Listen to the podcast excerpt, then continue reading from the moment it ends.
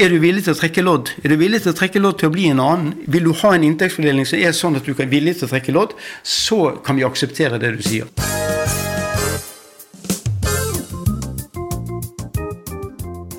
Velkommen til Ine og Dag sin podkast. Jeg heter Dag Svius, og med meg har jeg som vanlig Ine Haver. Velkommen. Ja! Tusen takk, Dag. Ja.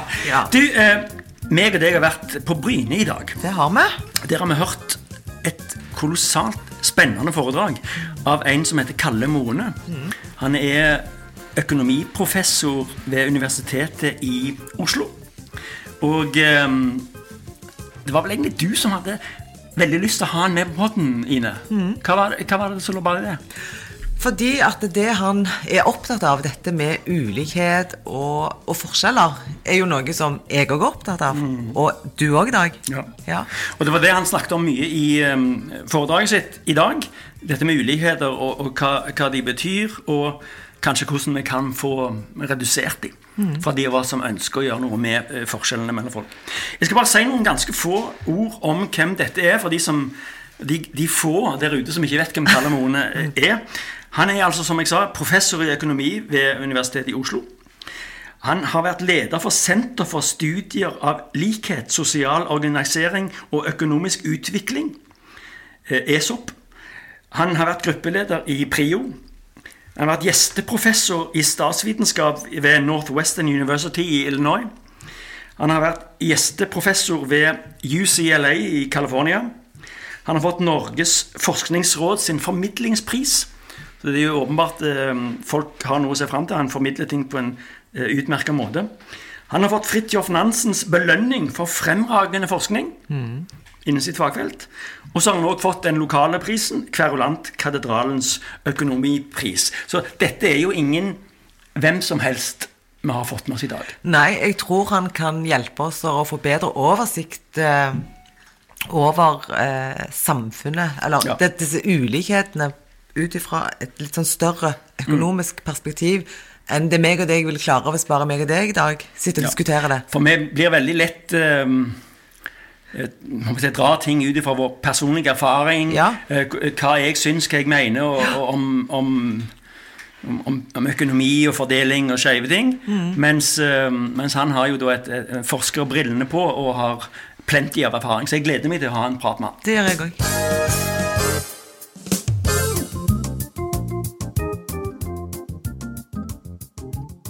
Velkommen til oss, Kalle Moene. Takk skal du ha. Eh, må jo si at det var et veldig interessant foredrag eh, du holdt om et utrolig viktig emne, nemlig ulikheter.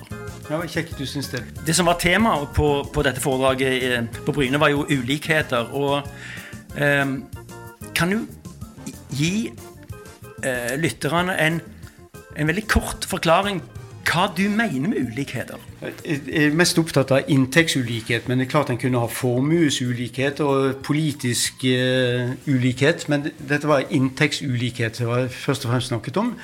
Og, og det er ikke én ting. Det, har, det er et sosialt fenomen som har mange dimensjoner.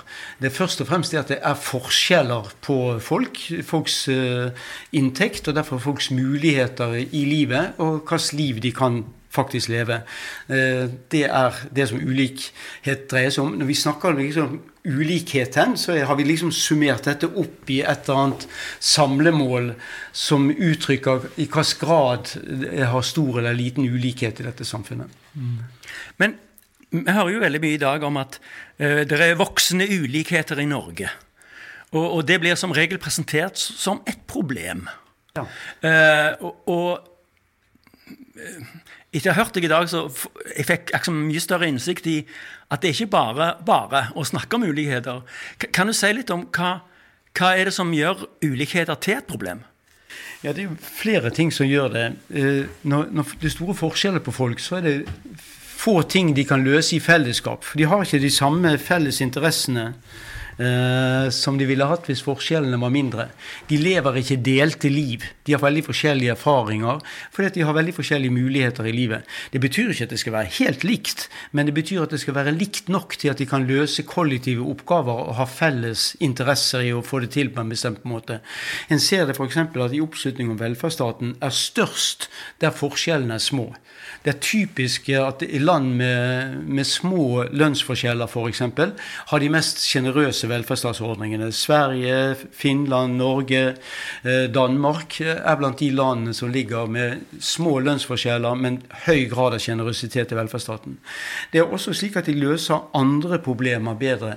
Og det, Du kan tenke på markedsøkonomien akkurat som et, en form for demokrati at du, du, du, inntekten dine er stemmesedlene. Og du vil jo ikke ha et demokrati der stemmesedlene er fordelt veldig ulikt. Her vil det være slik at hvis det er små forskjeller, så er det en høy grad av likhet i hva en skal stemme på at en skal produsere, så det skal være lønnsomt å produsere. Sånn at det ikke bare er behovene til de rike. Jeg har vært i mange land der det er veldig dominans av de rike. F.eks. afrikanske land er jo veldig dominert av de rike. og de har full oppslutning så å si, om, for deres ønsker i markedsøkonomien. For de andre ønskene teller ikke, for de er ikke kjøpekraftige. Ja, men tilbake til det Dag sa eh, om at eh, her i Norge så snakker vi om disse voksende ulikhetene. Eh, hvis vi sammenligner, sammenligner Norge med andre land, så er det jo ikke egentlig helt sammenlignbart. Nei, det kan, Både ja og nei, vil jeg si. Altså, for det første går det an å sammenligne, men jeg må jo vite hva en gjør. Men uh, forskjellene i Norge er små sammenlignet med andre land. Lønnsforskjellene er spesielt små sammenlignet med andre land.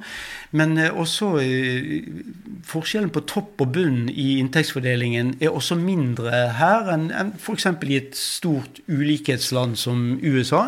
Men selv om du bare sammenligner med England, som er jo et naboland, så har vi mye mindre forskjeller Eh, de er økende i Norge, men de er økende i mye mindre grad enn det som av og til kommer fram i, i diskusjonene.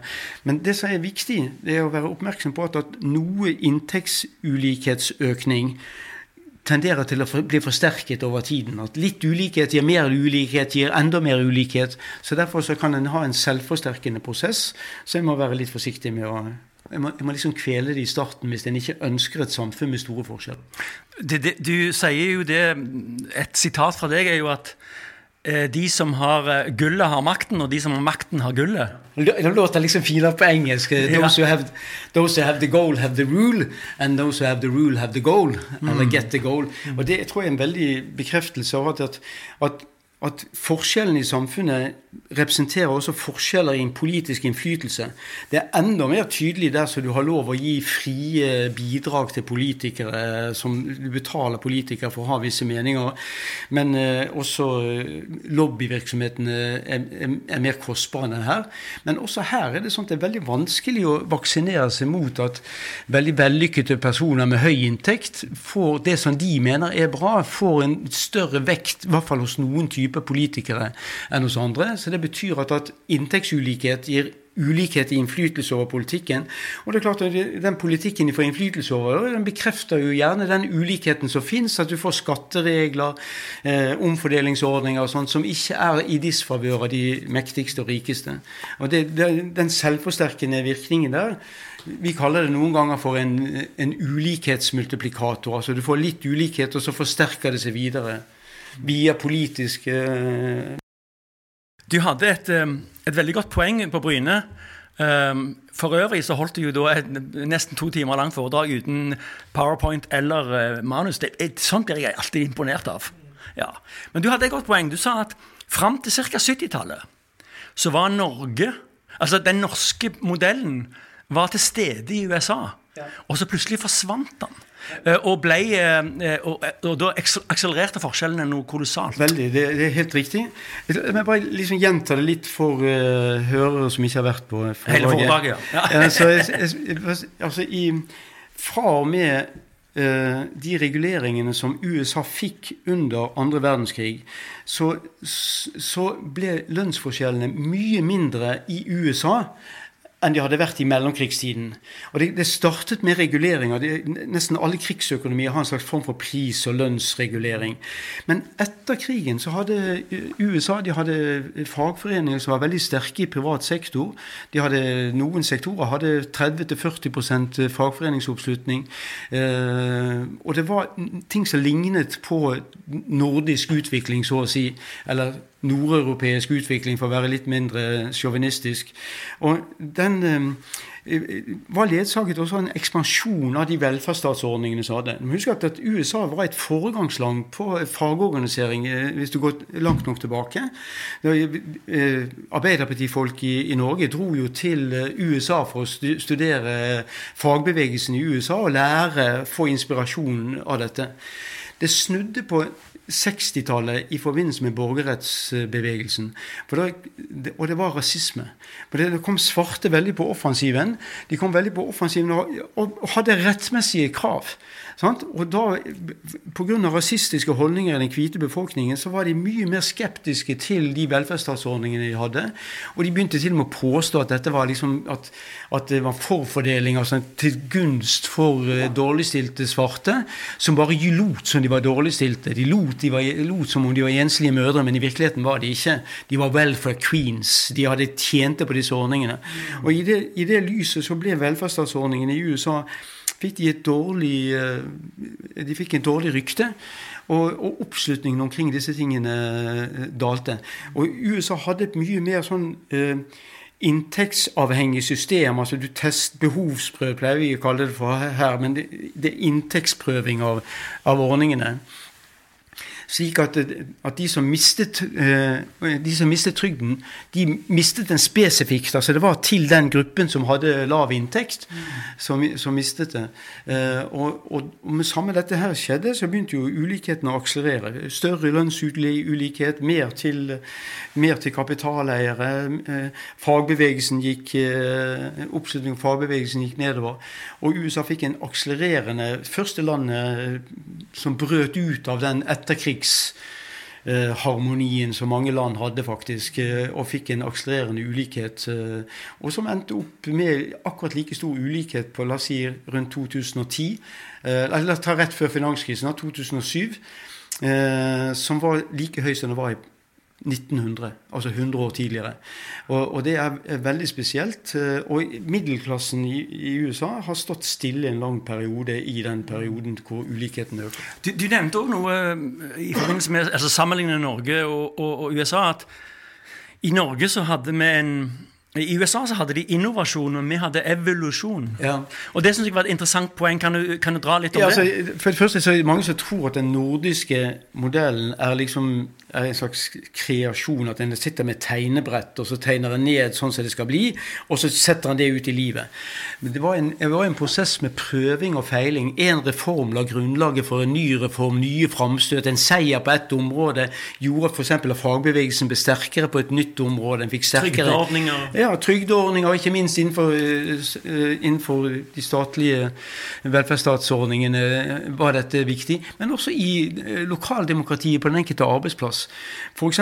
Norge hadde, hadde, veldig mye bonusordninger like etter krigen. Men det var fagbevegelsen skeptisk til, og, og stilte seg tvilende til at dette var et effektivt system. Selv på Aker Mekaniske Verksted i, i, Oslo så gikk de i spissen for å avskaffe disse ordningene. Istedenfor fikk de de fikk avskaffet disse, disse bonus- eller akkordsystemene som de hadde på skipsbygging. Som de egnet seg rett og slett ikke, for det var så masse forhandlinger om hvilke ordninger de skulle ha.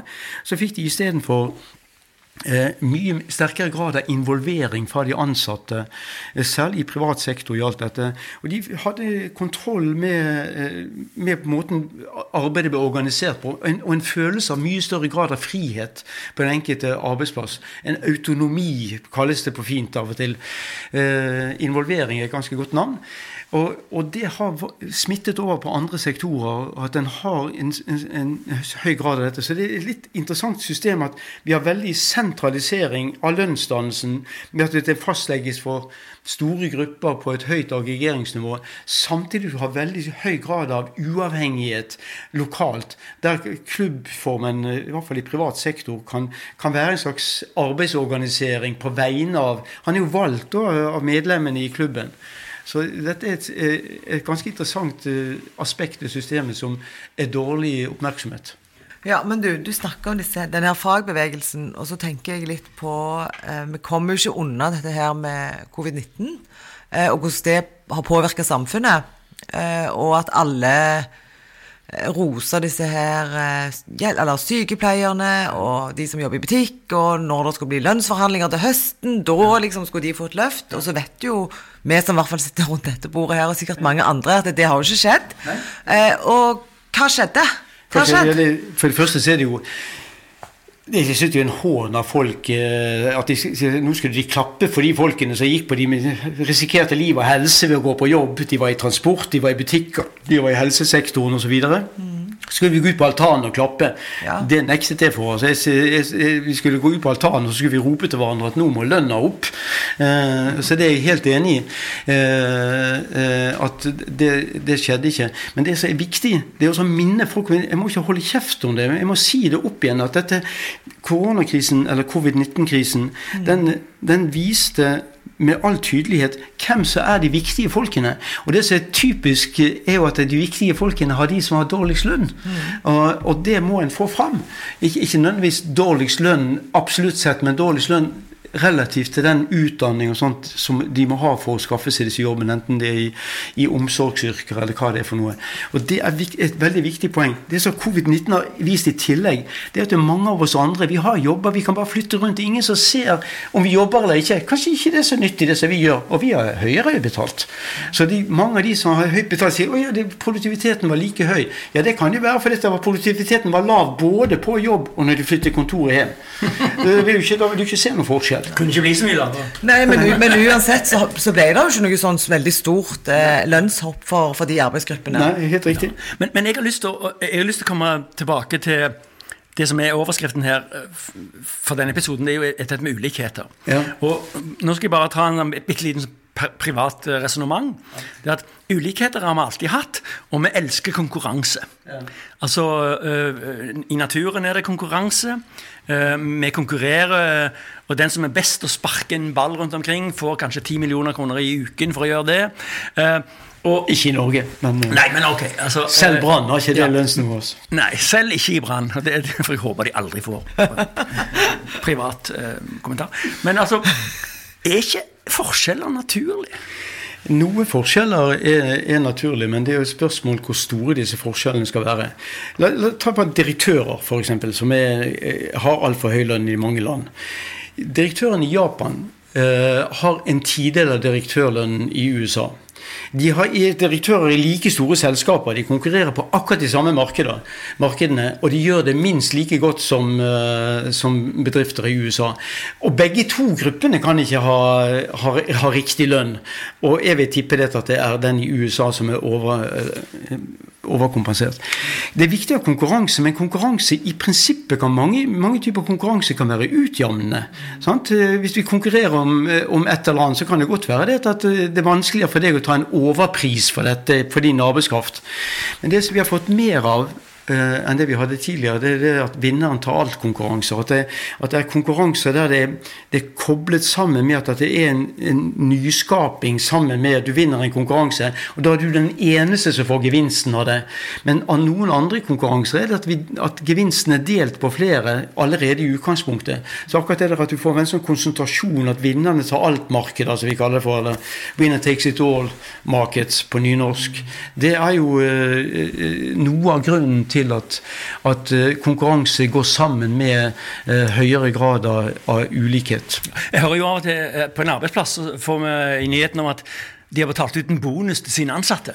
Ja. Da tenker alle eh, sånn Filler òg, altså, eh, Hvorfor skal de få bonus? Men det burde jo kanskje vært normalen, for at veldig mye av det som blir skapt av eh, verdier, det peises jo tilbake til en, en liten del av oss. Mm.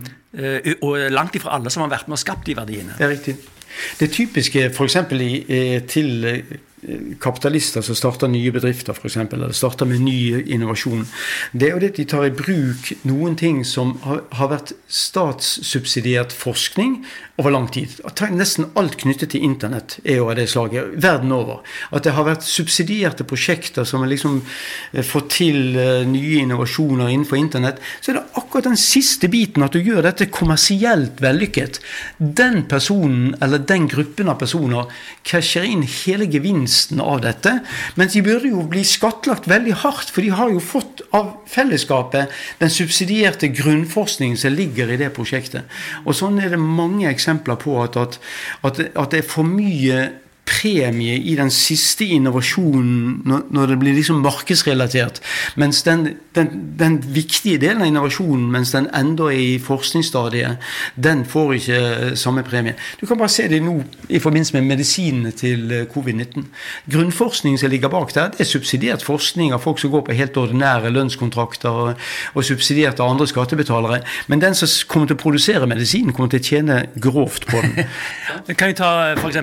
de norske Eh, skinnegangene. Ja. Som vi fellesskapet la ned for en del år siden. Og, og nå skal det plutselig privatiseres og, og, pakkes inn med en ny logo, et nytt navn, og så har du det gående. Så det er ikke, ikke, nødvendigvis noe galt i å privatisere eller gjøre sånne ting, men en må gjøre det med hodet på plass. En kan ikke gjøre det hodeløst. En må gjøre det med at en, at en skatter den gevinsten som ikke rettmessig de får. De kan godt få den gevinsten de skaper, men de har ikke skapt hele gevinsten. Det er akkurat sånn som i, i fiskeoppdrett i fjordene, f.eks. Det er jo åpenbart at de fjordene bidrar sjøl, og det er jo fellesskapets eiendom. Og Da kan ikke en som liksom har fått retten til å ha en, en fiskeoppdretter, høste hele milliardgevinsten av å ha dette og si at dette har jeg skapt. Nei, han har ikke det. Dette har vært fellesskapet som har skapt det ved det fellesskapets eie av den naturressursen som dette er. Og Derfor bør det også betales det som vi kaller for grunnrenteskatt. altså en, at, en, at det er en gevinst som kommer fra naturens side, og den er fellesskapets eiendom. Men, men, i Norge så har vi jo eh, både altså private og, og, både privat og offentlig helsehjelp. Ja. Um, hva tenker du om det? Tenker du at vi ikke burde hatt, at det ikke burde vært et tilbud privat, eller Uh, ja. Nei, Det kan jo godt være begge deler, men jeg må bare liksom ikke Mange av de, mange av de private helseaktørene de sier det at de ikke tar ut profitt, men måten de ofte gjør det på De, de tar profitt ut ved at det f.eks. er barnehager som eier de barnehagen, og så leier de den ut, altså bygningen og området, så leier de den ut til, til den barnehagen som drives. Og det ser ikke ut som det er overskudd i barnehagen, men overskuddet kommer i form av leieprisen som, som uh, de tar på disse tingene. Og de kan også ha høye administrasjonsutgifter i de tingene. Så jeg må bare vite hva en gjør. Jeg tror det kan være sunt det med en blanding av private og offentlige tiltak i noen tilfeller, men jeg må bare jeg må vite hva som er like vilkår, og må vite hvem som skaper hvilken gevinst. Og det må ikke være slik at alle de tunge pasientene eller omsorgsgruppene de blir overlatt til det offentlige, mens alle de lette eh, tilfellene de går til private for profitt. Slik kan vi ikke ha det. Det blir helt feil. Nei, og Når du sier det på den måten som du svarer, så tenker jeg ok, ja, det går an å tenke sånn òg, men, eh, men, jeg tenker jo det at vi må jo ha eh, I Norge så har vi jo behov for helsetjenester, vi har behov for barnehageplasser. Eh, staten Norge eh, har ikke på en måte et godt nok tilbud så de må jo sjøl òg kjøpe tjenester ja. av de private. Ja. Aleris. Ikke ja. sant? For å gå og ta røntgen. Uh, så med mindre at vi på en måte klarer å bygge opp et godt nok system ja. sjøl, så vil vi jo alltid eh, være avhengige av òg de private. Tror jeg. Ja, jeg har ikke noen motforestillinger i det hele tatt å, å, å bruke private aktører, men det må ikke være, må ikke være velfis, velferdsprofitører. Det må være velferdsleverandører som gjør dette for en normal pris, og som gjør det på vilkår som er, har de samme kvalitetskravene som de andre. Med de tingene på plass så tror jeg det er mange som kan akseptere en, en blanding av sånne systemer. Det kan jo være at, at også, også, de private kan lære hvordan staten gjør det. det kan, læringen kan gå begge veier. Så er det vel en, en, en slags myte, eller det blir sagt, uh, 'people are saying', som de sier i, i USA, ja. at uh, når de private får holde på med det, så blir kvaliteten høyere. Og, og det, uh, hva, hva syns du om en sånn Ja, som, beskrivelse. som, en generell, som en skjell beskrivelse kan det umulig være riktig, men, men at, det, at, det, er tilfellet i, i, mange spesielle tilfeller, har jeg ingen vanskeligheter med. Uh, men en, en, en må bare jeg må undersøke. Jeg må, en, jeg må, ikke ha en, dogmatisk oppfatning at privat betyr kvalitet, offentlig betyr lav kvalitet. For sånn er det ikke. Det er mange eksempler på det stikk motsatte. og Derfor så kreves det undersøkelse og uh, overvåkinghet overfor de tingene. Ikke, det er ikke noe behov for dogmatisk, uh, verken fra høyre- eller venstresiden i disse spørsmålene. her. Altså, Jeg vet at du har sagt at hvis Eh, hvis markedet får lov å spille ut sine beste kvaliteter, og, og sine opprinnelige kvaliteter, så kan det bli veldig bra. Men det kan jo skje sånne ting som skjedde i går. At to konkurrerende alarmselskap eh, inngår en hemmelig kontrakt og deler Norge i to. Og har nå blitt ilagt en milliardbot. Eh, fordi de bryter jo nemlig faktisk eh, grunnregelen i å være i et marked det er at konkurransen skal gi oss som forbrukere bedre og billigere produkter. Men så, så gjør de det stikk motsatte. Og det er vel ikke Dette med disse to eh, alarmselskapene er jo et grelt eksempel, men det fins vel litt småting hist og pist òg? Ikke bare småting. Jeg tror det finnes uh, veldig store ting. Uh, jeg skal bare si at Akkurat det eksempelet med alarmselskapene uh, Selvfølgelig ikke i konkret, men Adam Smith var jo veldig opptatt av det der. Han var mye mer opptatt enn det folk har. At, at markedene skulle være til for de fattiges interesser. For folk, vanlige folks interesser. Han var veldig skeptisk til samarbeid mellom kapitalister. Han sa kapitalister treffes sjelden uten å pønske, på, pønske ut ut noen ting som er til beste for de, men til ulempe for resten av samfunnet. En absurd skatt som de pålegger de andre gjennom å monopolisere tjenestene. Akkurat som det eksempelet du nevnte. Så er vi jo veldig heldige og godt stilt som har konkurransetilsyn som sjekker de tingene. Som sjekker at det ikke er prissamarbeid osv. Her er vel, uh, unnskyld, her er vel venstresiden i norsk politikk for vi drar jo, altså Jeg tilhører jo faktisk venstresiden i norsk politikk, ingen hemmelighet. Men vi, er vel ganske raskt oppe med uh, fy-fy marked-kortet. Ja, og jeg syns den skal være mye mer fy-fy spesialinteresser korte. Og, og henne kommer de rikeste personene i verden for tiden. De kommer i skjermete aktiviteter. Ting som er skjermet for konkurranse. Jeg har studert dette ganske nøye i India. Her kommer de nye billionærene i India fra. De kommer ikke fra globaliserte markeder med hard konkurranse. De kommer fra skjermet konkurranse med politiske forbindelser, der de har utnytta disse forbindelsene til sitt eget beste. Så det er mye verre den type form for, for sånn halvregulering, halvkorrupte ordninger. Nå snakker jeg all, mer generelt utenfor Norge. Men å, å, å, tro at vi er helt fri for sånne ting, er selvfølgelig altfor naivt. At det er konkurranse kan være en disiplinerende faktor til å få leveransene til å være i tråd med de fattige eller vanlige folks interesse. Mens, øh, mens den type samarbeid som vi har sett tilløp til, som du nevnte nettopp her, det, det må vi jo gripe inn. Det må jo Konkurransetilsynet må ha ordninger som begrenser dette. Og det er priser som er lovstridig. Sant? Det er, som du sa, store bøter for dette. USA kan være ganske tøff, iallfall var de det før Trump, til å gripe inn overfor prissamarbeid samarbeid i, i, USA. Bøter for korrupsjon i, i, USA er mye høyere enn vi er vant til. Yara er jo blitt dømt i USA for, uh, for korrupte uh, handlinger. Så det er også et annet område. Korrupsjon er jo en form for mark vri seg unna markedets dom. At en kjøper seg tilgang til, til En kjøper seg et privilegium som kan ligne på et monopol. Det er jo mye selskapskorrupsjon som er av det slaget. Jeg er jo glad for at det er eh, flere aktører, at det er konkurranse. Men det som blir feil for meg, det er hvis eh, Sånn som du òg har sagt tidligere, at hvis kun de rike skal få tilgang på eh, de tjenestene, og det er derfor man skal ha den type styring som man har. Og så ser jeg jo at flere og flere liker å kalle seg noe idealistiske. Ikke mm. sant? Så tenker jeg, Er det en, en sånn måte en prøver å kamuflere noe på, med bare å gå ut og kalle seg idealistiske? Ja. Tror du det? Det tror jeg. Altså, i, i, noen ganger så kalles det for fasadebygging. Altså En bygger en fasade rundt uh, leveransene som skal liksom gi et inntrykk av at dette er på en annen måte. Ta, ta korrupsjon som er litt beslektet med det du, du sa. Det ikke bare innenfor helsetjenesten, men mer generelt. Land som er ofte veldig korrupte, eller politisk er veldig korrupte, de kan bygge seg et slags vindodressing, altså et slags utstillingsvindu, og de er veldig opptatt av liksom all slags samfunnsansvar. de, Se på hjemmesidene f.eks. til Equinor.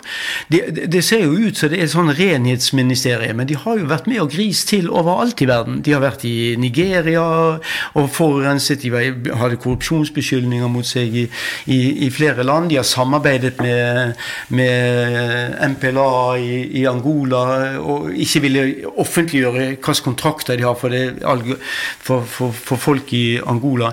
Så er, men, hvis du liksom ser hjemmesidene deres, det er jo ren fasadebygging. Ren utstillingsvindu for noe som er usant. Og jeg tror ikke langt ifra at Equinor er blant de verste, men det er veldig lett å jamføre eh, hjemmesidene som selskapene har, med realitetene som de gjør i sin yrkesutøvelse. Ja. Og hvem er det da sitt ansvar da i samfunnet til å, avdekke dette her og kontrollere dette her? Altså, Vi kan jo ikke bare si ok, Konkurransetilsynet, dere må finne ut av alt. Nei. Er det politikerne? Ja, En god del av uh, politikkens oppgave må jo være årvåkenhet her. Ofte basert på rapporter fra Riksrevisjon, Konkurransetilsyn og sånn.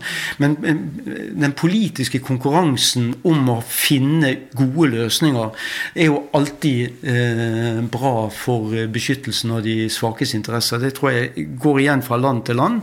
Så Derfor er det viktig politikeroppgave. Det er viktig, det er viktig med å varsle om ting som er feil. Det er viktig å stå på tingene så demonstrere eh, ting som er, og tørre å være upopulær uten sjøl å bli rammet av kritikk for den grunn. Mm. Eh, Litt tilbake til Nå er jeg han som drar. Jeg vil, jeg vil snakke om ulikheter. Det var, det eh, jeg svarer på det men, men gode avsporinger er jo ikke å forakte. Alt henger sammen med alt, Dag. Hmm? Alt henger sammen med alt. Henger sammen. Alt henger sammen med alt. Det blir litt filosofi her. På, det gjør det. Eh, vi har Eh, noen sier et problem at det er økende forskjeller. Og noe av dette handler litt om det som du kalte for ulikhetsmultiplikatoren. Ja. Og du sa det òg ganske så treffende at noen går på Nav. Ja. Eh, treffer hverandre i Nav-køen ja. og, og, og, blir gift og, og, blir på en måte en, en uh, lavinntektsenhet. Mens andre går på arv. Og, overtar bare verdier som er skapt for lenge siden, som overflyttes til et nytt menneske. Eh, eh, er det det vi ser i dag, eller er det dette som en drar opp hele veien, at nei, det skyldes nok økt innvandring? ja, eh, altså For det første så betyr arv veldig mye for, eh, for ulikhet. Eh, og, det, og det, det, det sauses inn i en ideologi at, at, at hver enkelt er sin egen lykkesmed. Og så er det noen som starter med en kjempebankbok full eh, og kan gjøre hva de vil og kan tåle enhver tabbe eh, i, sine livsprosjekter. Mens noen andre starter uten noe som helst, og kanskje med et, et lite uhell i, i, barndom og ungdom. Eh, hva det måtte være. Og, og, og, og derfor så er det det, det, er så urettferdig, de tingene som får den rettferdiggjøringen av at liksom arv er helt naturlig, og ja, det er jo bare slik det er.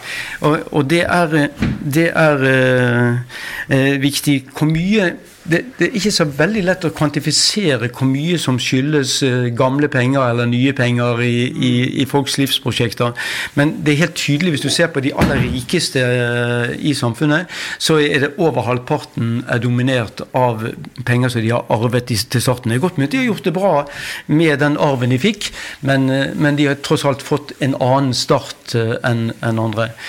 Innvandring da, da, må en jo løfte blikket litt. Det er veldig lett å si at, at innvandring skaper økt ulikhet. Som kommer, innvandrere som kommer til Norge, vil som regel konkurrere mest i den nedre delen av inntektsfordelingen. Fordi de har eh, kanskje ikke de, de får ikke de jobbene som er lenger oppe. Så det betyr at vi får flere folk Rett og slett fordi de har lavere utdanning, som konkurrerer om lavinntektsjobber. Og Det er klart at det kan eh, bidra til, eh, bidrar til at ulikheten øker. Men hvis en er opptatt av dette, så må en jo være veldig, insistere veldig på å utvide fagforeningskontraktene til også, Det er fagforeningene i Norge som setter minstelønningene. Og insistere på at minstelønnskravene også skal gjelde dette. Og få, og få nye, våre nye landsmenn også til å være en del av fagbevegelsen. Og i mange sektorer så skjer det. Det skjer, og det de er populære arbeidstakere. Det er ikke noe diskriminering av dem. Men det er klart det blir det blir en trussel mot de rådende systemer hvis de skal gå en annen vei inn i arbeidsmarkedet enn det som er.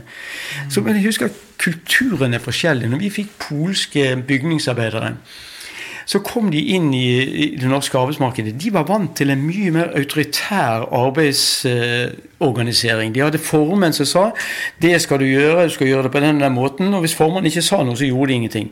Det norske arbeidsmarkedet er mye mer at en er selvgående. Autonomien har frihet til å gjøre arbeidsoppgaven sånn som det best passer med de erfaringene folk har. Og så blir, blir jobben gjort. Så på, I bygg og anlegg så kaller de mange av de innvandrere for pekere. Du må, du må, du må peke ut hva de skal gjøre gjøre. Så derfor er de pekere. Men etter kort tid så lærer de seg den kulturen som, som vi har. Og de, de, er jo like gode jobbere. Eh, arbeidstakere er like gode til å jobbe. Så jeg har bare en liten kommentar jeg vil knytte til det. for at, Ofte har jeg tenkt på det når jeg hører dette med innvandrere som drar ned eh, og gjør forskjellene. Men hvis en hadde tatt en, en, norsk familie fra Ryfylke ja. som levde på 1840-tallet, ja. og transporterte de til i dag, og bare slapp de ut i samfunnet de var lost completely. Ja, de hadde, vært, de hadde i hvert fall ikke kommet godt inn Nei.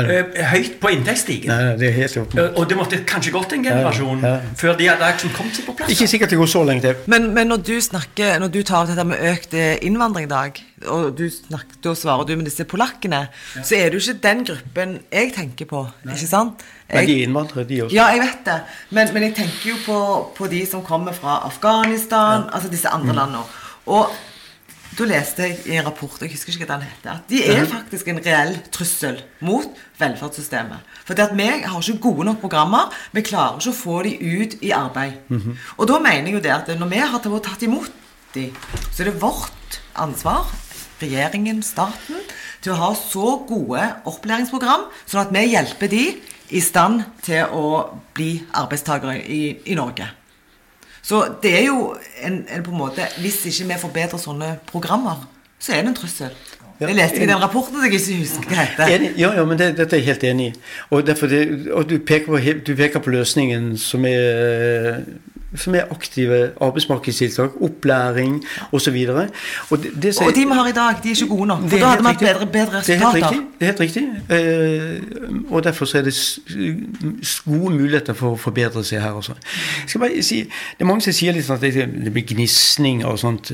Ta, ta, et land som Belgia. Belgia er tospråklig, de har to religioner, det er et veldig splittet land. Sant? De er nesten ikke eh, Men fagforeningen i Belgia de samarbeider som bare det. Der er det forskjellige religioner. forskjellige, Så det viser litt at interesseorganisasjoner ofte er veldig gode til å integrere eh, For de har en felles interesse i å gjøre det.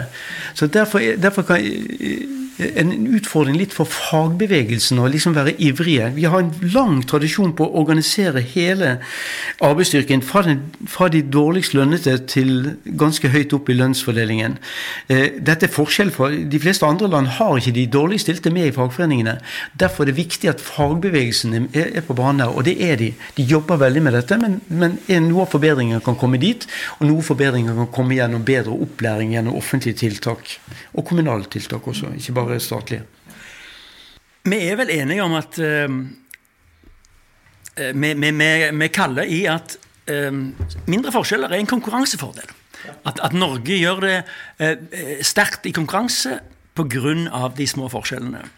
Men la oss nå si da at det er et valg neste høst, og så sier en påtroppende statsminister Kalle, du må komme, komme opp på kontoret mitt. Jeg har en jobb til deg. Du må, du må gi meg noen råd hvordan vi får ned forskjellene her. Hva, hva ville du gjort? Hva, liksom, hvis, hvis, du kunne eh, sette opp et par-tre to do sånn, Dette må dere gjøre. Altså, og det er ikke liksom alltid regjeringssjefen. Det er liksom litt høyt oppe. Nei, nei, jeg mener ikke sånn. Det er, det er, institusjonene som vi har, som er likhetsskapende. Det er liksom ikke så mye politikken. Og en veldig viktig institusjon er, er fagbevegelsen. Og det, Mange av de som liksom vil ha stor tillit, små forskjeller og sånn, de vil av og til ikke har virkemidler. Og virkemidlet er en høy grad av sosial organisering. Og det er, det, det er en kjempeting å understreke. Så hvis jeg skulle, Det første rådet jeg ville sagt, jeg sagt at gjør det mer attraktivt. Gjør, det, gjør fordelene, de privatøkonomiske fordelene være fagorganisert større. Og krev også, krev også at, at, dette skal være kamporganisasjoner, ikke bare samarbeidsorganisasjoner. De skal stå på kravene, men gjerne samarbeide. Men de skal ha et ris bak speilet speilet at hvis ikke vi får til dette samarbeidet, så har vi noe å true med. Vi kan, vi kan streike, vi kan gjøre visse ting. Du skal ikke gjøre det ofte, men du skal vise at du kan det. Og det tror jeg jeg ville, jeg ville lagt vekt på. Så det har vært, det har vært litt en svekkelse innenfor f.eks. det partiet som du tror at uh, statsministeren vil komme fra. At det partiet kunne kanskje enda, ha enda bedre samarbeid med fagbevegelsen og skjønne det at det må også være fagforeningsfolk som er med i styre og stell på høyere nivå. Tidligere var det sånn at folk i fagbevegelsen gikk inn og ut i politikken. I, i fagbevegelsen så var de inn i politikken, og da fikk en mer erfaringsgrunnlaget til vanlige folk i, på gulvet. Og ikke det der skillet at det er sånn profesjonalisert, de som har gått lenge på skolen, er de beste til å styre landet. Sånn er det bare ikke. Det er, folk, det er fint med noen som har gått litt lenge på skolen, men det er enda bedre med flere folk som har mer erfaringer fra arbeidslivet. Og så har jo, siden du nevner tilfeldigvis et parti, eh, eh, argumentert for å få større fradrag for eh, kontingenten. Rett og slett. Og det, er jo det du sier, at, eh, at, det må gjøre det mer attraktivt å være i, i en eh, Min kjære kone er medlem i Utdanningsforbundet. Hun betaler, Det, det koster penger å være medlem. Uh, og, men hun, hun, har ikke tenkt å slutte for det. Altså, men, men, men, det kunne godt få trukket fra mer av det. Ja, helt enig. Og, og dette, vært, dette var sånn de kvelte fagorganiseringen i, under Tetzschner. Sånn de, sånn de la veldig masse hindringer i veien for Det er et problem Faglig organisering er et problem. Hvorfor er det et problem? Jo, for det er masse gratispassasjerer. For de, de, tingene som fagbevegelsen skaffer fram eh, gjennom sin kamp, det går til alle uansett. Og det er klart at in, ingen arbeidsgiver er så dum at de vil gi lavere lønn til de, de som ikke er organisert, for da vil alle organisere seg. Derfor er det viktig for hele arbeiderbevegelsen, hele den uh, breie sosialistiske bevegelsen, hvis vi skal bruke de gammeldagse termene, at en skjønner mer at sosial organisering er kjempeviktig. Det er sånn du får kollektive goder. Og det har vært et fortrinn så langt i de nordiske land at de har vært veldig åpne for konkurranse internasjonalt, men så har de veldig samarbeid og kollektiv handling innad. Og Det er den kombinasjonen med at du har konkurranse utad og samarbeid innad som har vært den nordiske modellen og dens fortrinn. Men da må de ville de virkemidlene, nemlig at, at, at at den typen sosial organisering eh, ikke blir for dyr. Blir for det, den er vanskelig i seg sjøl. Eh, ikke legge hindringer vei, i veien for det. Og så må Arbeiderpartiet også være mye mer åpen for folk som ikke har gått lenge på skole. For ikke, Du blir ikke bare klokere av det. Du kan noen ting bedre enn andre, men så er det andre ting som du er helt utafor. Jeg vet jo det, som har vært i eh, universitetslivet hele mitt liv. Men, men, det gjelder vel gjerne ikke bare Arbeiderpartiet, da? Det gjelder gjerne Nei, nei, men det, det partiet som ble nevnt, av en av deltakerne i denne poden. Ja. Men, eh, er det med Arbeiderpartiet i dag? Poenget mitt er jo at um, Arbeiderpartiet har hatt en ganske klar profil på akkurat dette vi snakker om nå. Dette med organiseringsgrad. Og, og, og, gjøre det mer attraktivt å være organisert. Ja. Andre partier òg har snakket mye om det, men, men kan, Arbeiderpartiet har kanskje vært fremst. Og Dette er en kjempestor utfordring, for dette at fagbevegelsen er svakt i, på vei nedover. Og det er ikke bare pga. fagbevegelsen ikke gjør en god jobb. Det, det, det antagelig ikke har ikke noe å gjøre med det i det hele tatt. Det har å gjøre med dette at vi endrer Det er mer uh, tjenesteyting. Der er fagforeningstradisjonene svakere. Det er mindre industri. Der er fagforeningstradisjonene sterke. Og det er liksom å finne gode organisasjonsmønster i tjenesteytende næringer som er, er på vei oppover. Sant? Relativt, i, i, i i industrien så jobber det mer og mer maskiner og færre og færre folk. Eh, det er industrien som konkurrerer på verdensmarkedet. Tjenesteyting er mer beskyttet mot konkurranse utenfra. Derfor er det ikke like lett å få til den formen for kollektiv handling som en fikk i Jern og Metall eller de store fagforeningene som dominerte industrien tidligere. Mm. Det, og her, her, må, her må en bare prøve og feile. Nordiske modellen hadde ikke en oppskrift. De hadde en, en, en vilje til å prøve ut, og de ga seg ikke før de fikk det til å fungere. Og det er det som får liksom komme på sporet av den gamle tid i nye sektorer, nye områder. Og snakke med folk som er i fagbevegelsen, tror jeg er kjempeviktig. Så hvis en eh, får sterkere eh, fagforeninger, så vil det kunne bidra til mindre forskjeller? Ja, det er helt åpenbart at, eh, at, det er en veldig kraftig sammenheng mellom sterke fagforeninger og små lønnsforskjeller. Men du kan jo umulig være den eneste eh, i Norge som har tenkt på det. Og hva er det som gjør at det ikke at det ikke skjer mer, da?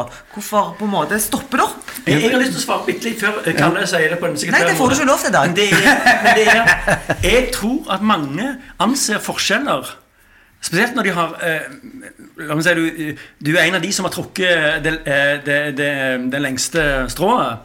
Så, så, tror jeg kanskje at du er fornøyd med at det er forskjeller. For det at eh, ja, det, det, det, er sunt med konkurranse, og, og, og det, eh, det, er sånn din, din, egen lykkes med og alt dette her. Jeg har lyst til å svare på også på eh, kombinere svaret på ditt spørsmål og det opprinnelige spørsmålet fra Ine. At, eh, at hun sier dette at du kan umulig være den eneste som har innsett dette. Nei, åpenbart ikke. Og det er veldig mange som har innsett dette. Men det er mange gode løsninger som som folk har forslag til, som ikke blir implementert i politikken. For det er ikke nok vilje til å ta disse tingene inn over seg. Så det kan like mye være et politisk problem som et, eh, som et eh, økonomisk eller innsiktsproblem. Det er, ikke, det er ikke mangel på kunnskap, det er mangel på politisk vilje. Så til de som trekker det lengste strået, så syns at det er helt rettferdig. Nettopp fordi at de trakk det lengste strået, så må det jo være rettferdig.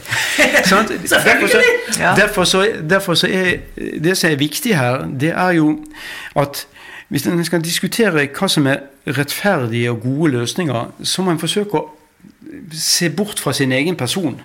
For vi vet hvem vi er. Så derfor må vi må tenke oss at vi, vi, er bak et slags uvisshetens slør. At vi tenker at nå skal vi bestemme nå skal vi, vi skal gjennomføre det tankeeksperimentet. Tvinge folk igjen og igjen til å ta det tankeeksperimentet. Er du villig til å ta en loddtrekning? Er du villig til å ta en loddtrekning hvilken jobb du skal få? Hvis du, til, hvis du syns at inntektsfordelingen er så rettferdig, ja, da må du også være villig til å ta en loddtrekning, for da er jo samme hvor du havner henne. Det er jo rettferdig. Ja, det er jo rettferdig, sant? Og du har jo nettopp sagt at, at det var jo helt rettferdig at du fikk det lengste strået. Ok, så da tar vi en loddtrekning på om, om, om noen andre kan få det. Eh, sant? Og, og, og da da med samme du tvinger folk til å ha en, mer, en holdning det at, du skal bestemme Først skal du bestemme hvordan liksom inntektsfordelingen skal være. Så kan du liksom tenke på hvem du skal bli i dette nye samfunnet som, som vi skal lage. Selvfølgelig ikke dette noe som vi gjør i praksis, men det er noe som du gjør for å få en innsikt, en selvinnsikt, om dette er et, et, et selvforsvar for dine egne spesielle interesser for du fikk det lengste strået, eller om det er et prinsipp som ligger bak dette. her. Og folk overdriver veldig eh, det som blir kalt på merit, altså kunnskap, eller at du har visse egenskaper i deg. Du har lyst til å belønne dette. Typisk direktørmarkedet er altfor overlønnede folk. Dette er en veldig beskyttet næring. Du kan ikke være direktør i et stort norsk selskap uten å være norsk. Du må være norsk, du må kunne norsk, unnskyld. Du må kunne norsk, du må kunne snakke med norske, det norske organisasjonslivet, du må kjenne reglene. Og Det betyr at det er ganske få folk som kan være de direktørene. Og de breier seg ut med at dette er liksom det er hard konkurranse til å få disse jobbene. Og de skal til og med ha bonuser når de mister jobben, osv. osv. Testen er er du villig til å trekke lodd. Er du villig til å trekke lodd til å bli en annen? Vil du ha en inntektsfordeling som er sånn at du er villig til å trekke lodd, så kan vi akseptere det du sier. Ja, men, men det vil de færreste svare ja til. Og da tenker jo jeg da med en gang at alle, inkludert meg sjøl, blir litt sånn Ja, nei, eh, det er så store ulikheter, dette er så fælt. Eh, hvor mye er jeg villig til å gi opp sjøl. Men jeg hadde vært med hvis alle andre hadde vært med. Da hadde det blitt kommunisme. Det er solidaritetstanken. Det er solidaritetstanken. Vi kan jo gange opp dette med, hvis du ser på det på, på et globalt perspektiv, at uh, hvis, uh, hvis, hvis, tilstanden i verden i dag er rettferdig, så kunne vi jo ta det samme lovtrekningen om igjen. Er du villig til å bli gjeter i Sri Lanka eller en eller annen plass? Det, svenske sosialdemokratiet hadde ganske god ideologi på det som de kalte for folkhemmet. Folkhemmet, ja. Folkhemmet. Det var, poenget var at du skulle, du skulle være Du skulle opptre på en måte som om du var en liten familie. Et folkhem. Samfunnet skulle behandles eh, sine, sine medborgere på en slik måte som du behandler familiemedlemmer.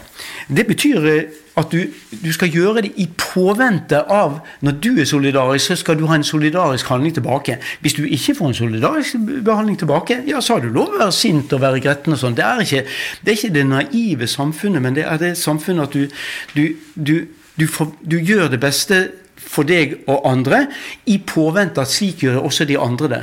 Og i et sånt samfunn så er det så er det, det akkurat sånn som Ine sier, at da er, det, da er det lettere å gå med på større grad av likhet, også for seg sjøl, for du vet at også de andre gjør det.